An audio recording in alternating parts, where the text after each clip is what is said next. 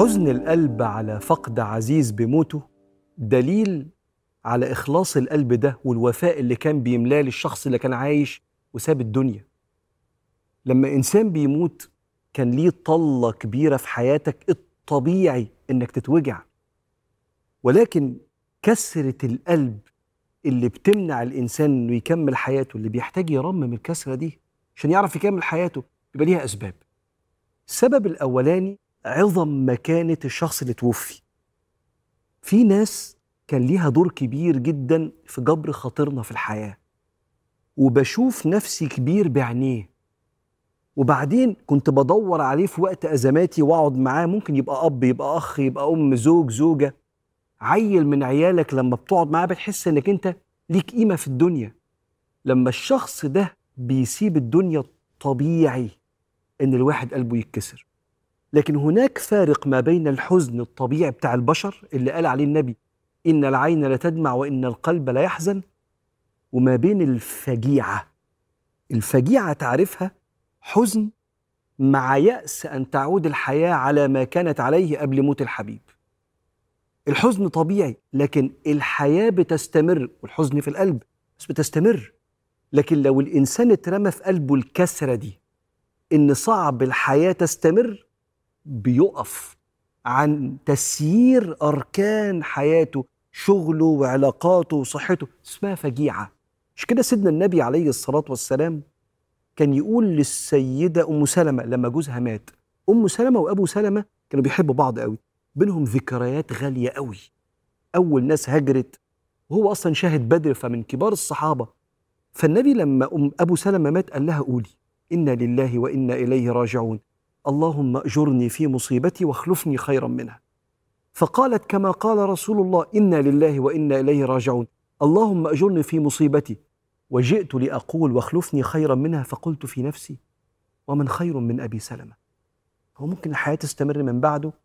فعدت الشهور واتجوزها النبي عليه الصلاة والسلام.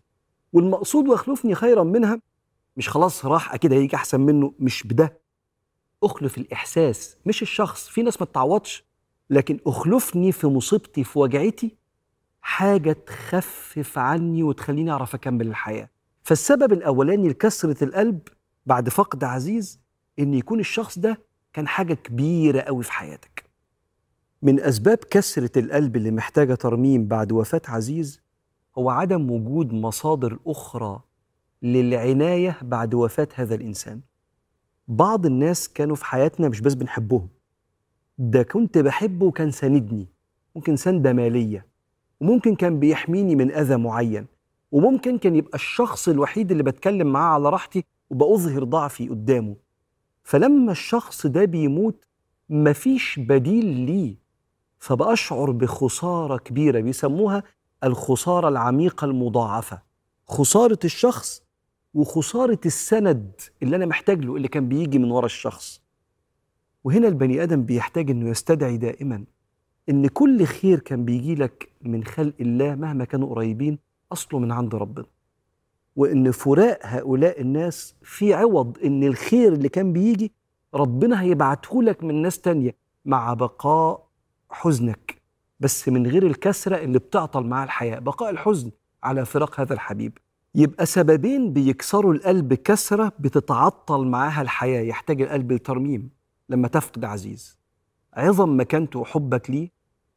والحاجة التانية عظم تأثيره في حياتك وسنده ليك. لدرجة إن في بعض الأوقات بيبقى التعلق اعتمادي جدا وهنا مش بنلوم حد إنه اعتمد على شخص بكليته وكان الشخص ده الدنيا بالنسبة له ما بنلومش حد. لأن في ناس فعلا كانت عايشة معانا فعلا كانت سندانة. وكانت الحياة بتحلو بيها ولكن في الله يعوض عن كل شيء مع بقاء الحزن لكن استمرار الحياة.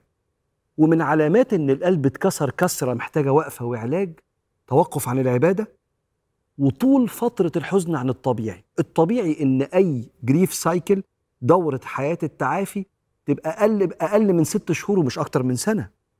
وأقصد بالكلام ده واحد حياته وقفت. وقفت مش عارف يمارسها. لا لما الموضوع بيزيد عن ست شهور وهيفكرك إن في عدة الست اللي توفي عنها جوزها تبقى أربع شهور وعشرة أيام وإن الحداد بيبقى أيام قليلة وبعد كده المفروض واحد يستمر في حياته والحزن في قلبه بس يكمل. إنما الكسره الملهية المقعدة لو الواحد توقف وزاد الحزن عن المدد دي وحاجة تانية لو توقف عن العبادة لو وقف صلاة كأنه زعلان زعلان إن الملك الرحيم أخذ حبيبه؟ ساعتها لأ. دي إشارات وأعلام حمراء كبيرة. بتقول لك دي كسرة تحتاج لترميم.